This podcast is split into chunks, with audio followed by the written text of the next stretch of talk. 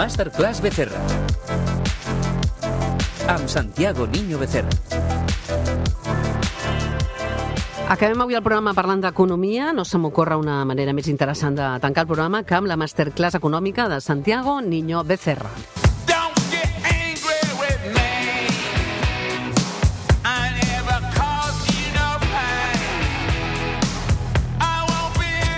Amb la darrera cançó dels Rolling Stones, publicada fa pocs mesos i que als 80 anys continuen al peu del canó, rebem a un altre avi roquer. Santiago, què tal? Com estàs? Mm, Pues bé, bé, eh, encara no totalment re- recuperat del refredat, però bueno, bé, sí. Bé, uh, fas més bona veu i abans de començar ets de felicitar-te públicament, Santiago, perquè aquesta setmana uh, has tingut una audiència espectacular, no?, a les xarxes de, de Catalunya Ràdio. Bueno, jo crec que som els dos, tu i jo, eh? perquè, home, eh, és que eh, es fan les preguntes, es prepara, eh, tu, tu fas les preguntes i fas el... Bueno, som, els dos, eh? Molt som bé. els dos. Que, que, que, els dos, però és important, no?, també la... que els temes siguin interessants i treballats. Bé, Sí, aquesta veritat. setmana jo estic preocupada per una notícia, els oients també, i és que Madrid pagarà a la Fórmula 1 gairebé el doble que Catalunya, 500 milions en 10 anys, no? Um, podríem dir que uh, s'ha presentat eh, el Gran Premi d'Espanya de Fórmula 1, que per primera vegada des de fa 30 anys um, també estarà a Madrid, no? L'expectació doncs, al recinte d'IFEMA va ser màxima per veure aquesta posada en escena del Nord Circuit, tant pels detalls com el projecte, no? Um, pels efectes també de Catalunya. A veure, en veurem ara què passa i en parlarem, però què et sembla? Fórmula 1, Barcelona, Madrid... Què et sembla veure- aquesta opinió? Perquè estem parlant de, de diners i d'inversions, no? Bueno, aquí, aquí hi ha una sèrie de coses que jo crec que ens tindran d'aclarar si és que ens, ens la volen aclarar. De- D'entrada, jo crec que ha de quedar molt clar eh, que la Fórmula 1 eh, és, eh, és propietat, és a dir, l'espectacle, el muntatge, eh, el, el univers Fórmula 1 és propietat d'una empresa eh, i totes les escuderies, Ferrari, Red Bull, etc etc, han acordat que faran eh, el que aquesta empresa digui. Per què? Perquè aquesta empresa ho fa tot molt bé i els hi fa ganar molts diners a les escuderies. Bueno, punt, punt número 1. Punt número 2 com mm, aquesta empresa primer va ser el Bernie Eccleston i ara ha sigut aquesta, és aquesta empresa, ho ha fet tot tan bé, tan bé, tan bé, que eh, eh, ha aconseguit que la Fórmula 1 sigui un espectacle que genera moltíssims diners. Eh, amb la qual eh, això implica que hi ha cua, literalment hi ha cua, per eh, tenir mm, cua de, de, de països i de ciutats, per tenir una cursa de Fórmula 1. Per exemple, si ens, hagués, ens haguessin dit fa 15 anys que a l'Azerbaidjan, a la capital d'Azerbaidjan, Bakú, que jo estic segur que molta gent no sap situar Azerbaidjan al mapa, hi hauria una cursa de Fórmula 1 jo crec que tothom haguéssim dit, "Va, això és impossible. Bueno, doncs ja fa anys que a Azerbaidjan hi ha una cursa de Fórmula 1, per què? Perquè mm, algú ha mm, donat els diners que aquesta empresa demanava per fer una cursa de eh, Fórmula 1 a Bakú. Cuidado, dins de la ciutat de Bakú, de Bakú, és a dir, en un circuit que és totalment urbà. Bueno, pu- punt número 1. Punt número 2. Eh, eh, és a dir, amb la qual hi ha cua, Madrid eh, ha, ha, posat més diners damunt de la taula i de moment el que és el, el logotip, eh, Gran Premi d'Espanya, això s'ho emporta Madrid. Clar, i hi ha una cosa, i com tu has dit, Chantal, és tot, tot, totalment cert, eh, mm, Madrid pagarà 48 milions a l'any a aquesta empresa i eh, Barcelona està pagant 26 milions. Ara, primera, primera dubte... Clar, deixa'm dir una tinc. cosa, deixa'm dir una cosa, Sí. és a dir, eh?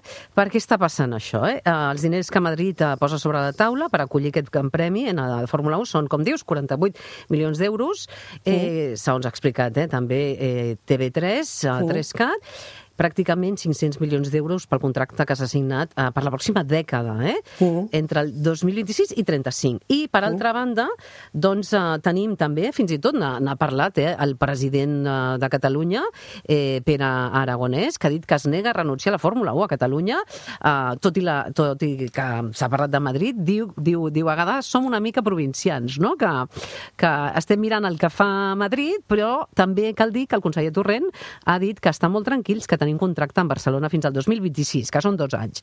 Què està passant? No? Sembla que Bueno. Madrid es volca d'aquesta Fórmula 1 de Barcelona que se li acaba el contracte al 2026, sí? Bueno, eh, sí, sí, sí, eh, la resposta és que sí. La, la prova la tenim, és que mm, sembla ser que han signat a Madrid un contracte mm, per 10 anys, eh, fins al 2035, per fer, el, to- torno a dir, eh, el Gran Premi d'Espanya a, a Madrid. Abans era a Barcelona, fins al 2026, i ara serà Madrid. Ara, la primera pregunta que jo tinc, eh, i, i, i jo crec que algú tindria d'explicar, és, és que eh, a mi no em quadra un número. Quin? Per exemple, és oficial que el Gran, Prix, el Gran Premi d'Espanya a Barcelona està generant mm, de PIB 200 milions d'euros. Doncs el Madrid ha dit que a Madrid, quan es faci el Gran Prix d'Espanya, generarà 450 milions. Per què més del No ho doble? sé. No ho sé. Aquesta pregunta jo crec que algú la tindria de respondre. Clar. Clar, ells, llavors ells diuen, a Madrid diuen, com generarà més, nosaltres podem pagar més. Uh -huh. Jo crec que algú tindria d'explicar això. Val, però Eh, explica'm, és a dir, eh, clar, a l'estat espanyol pot haver-hi aquests eh, dos grans premis, és a dir, Barcelona té un contracte fins al 26 i ara a Madrid 35.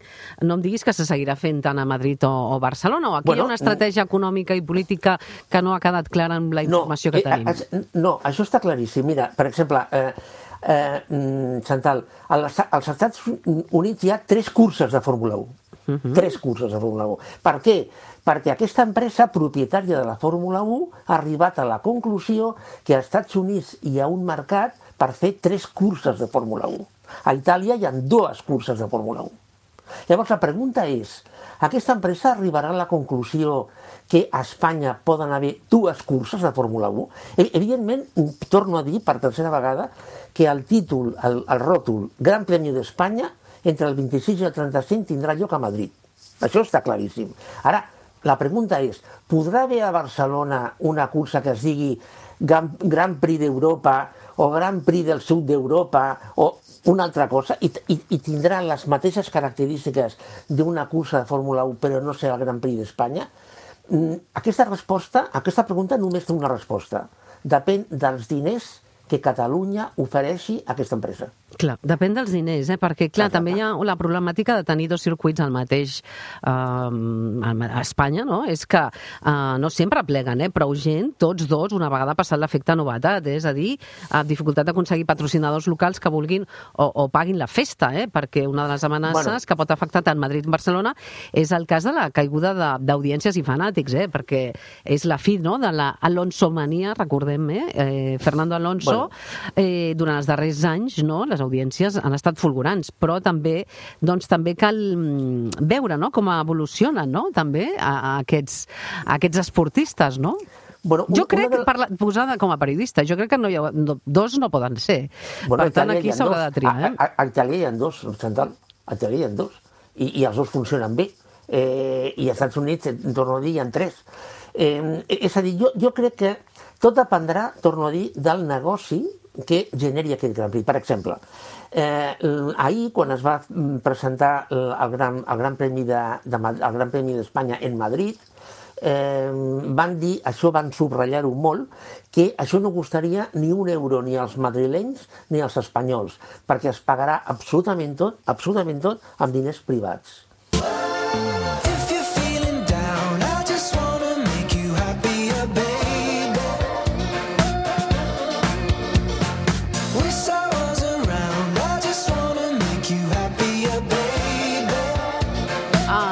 Sí, com deies, deien, eh? serà un projecte 100% privat que no costarà ni un euro de diner públic, però de moment sense inversors, eh? de Exacte, moment. Eh? exacte. I, I fem espera no? que aquests 48 milions d'euros anuals del cànon, a més de les despeses, es cobreixin amb aportacions privades. No? Però mm, la història també, Santiago, demostra que els circuits, especialment a Europa, són, són deficitaris molts, eh? perquè és a vegades pràcticament impossible rendibilitzar-los, eh? i menys durant a, a vegades una dècada consecutiva, no? No, és que el, Però el, pro- bé, també hi ha molta, hi ha molta inversió a Madrid, eh? Sí, el, el problema central és que el, el, el circuit s'utilitzi per moltes coses o per poques. Eh, és a dir, el, el, els Estats Units, per exemple, eh, tenen un, un, un campionat intern, tenen dos campionats interns, que és la Fórmula Indy eh, i és la, les curses Can-Am. eh, que utilitzen molts, el- molt els, els circuits. Lla- Llavors, encara que, malgrat que mm, a Austin, per exemple, només es faci una cursa a l'any de Fórmula 1, aquest circuit s'utilitza per altres coses. I, i jo, jo crec que un dels problemes que té Montmeló, sota el meu punt de vista, eh, és que s'utilitza per poques coses. O sigui, no, no s'utilitza molts dies a l'any. I clar, evidentment, la generació de diners és, a dir, és, és més baixa que altres circuits que s'utilitzen moltes vegades. Clar, que, quins usos? Però quins altres usos, no? Un circuit donar-li altres usos? Com, per exemple... Per, per exemple, proves de, de gran turismes, curses de gran turismes, eh, eh, proves motociclístiques, és a dir, altres usos.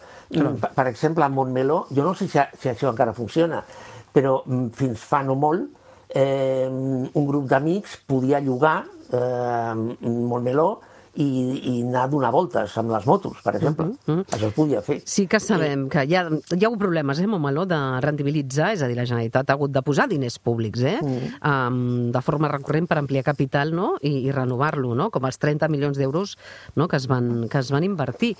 Um, evidentment, eh, i el cas de València, no?, recordem, no?, fa molts anys, Bueno, no?, en allò- aquest cas, que era un niu de corrupció, en aquest cas, recordem, eh, eh que va estar al Gran Premi d'Europa, que es va saber a València, als anys 2008-2022 amb el PP, Francisco Camps i Rita Barberà, dos pesos pesants dels populars, no? Sí. que, doncs, que allò va acabar no? amb un niu de deute i corrupció del, del País Valencià. Per tant, ha estat un tema eh, que, que ens, hem, ens hem preguntat, no? jo crec que aquesta setmana ens hem preguntat i volíem saber una mica més què passarà.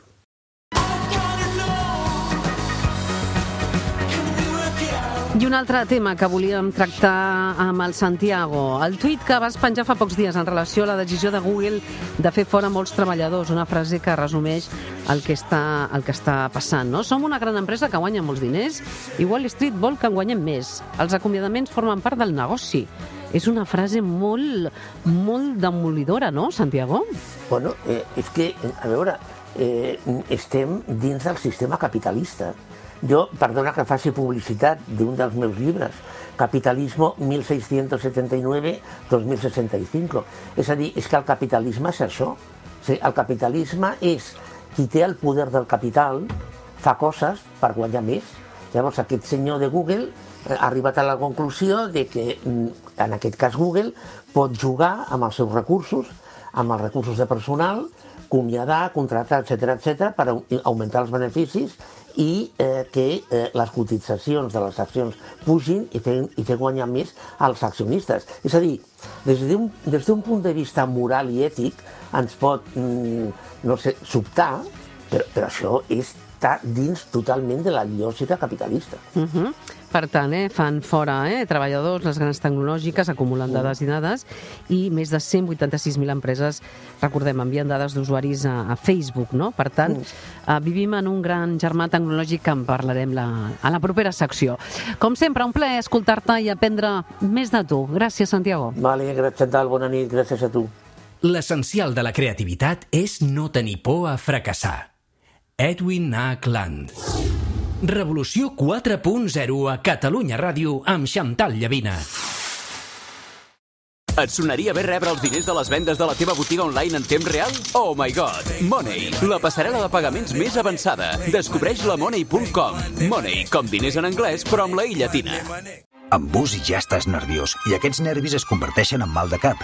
Quan el mal de cap t'agafa desprevingut, Gelocatil Solució Oral, bevible i de ràpida absorció. El primer paracetamol en stick pack sense necessitat d'aigua a partir de 14 anys. Gelocatil, de Ferrer. Llegiu les instruccions d'aquest medicament i consulteu el farmacèutic. Defenso la revolució en els nostres caps.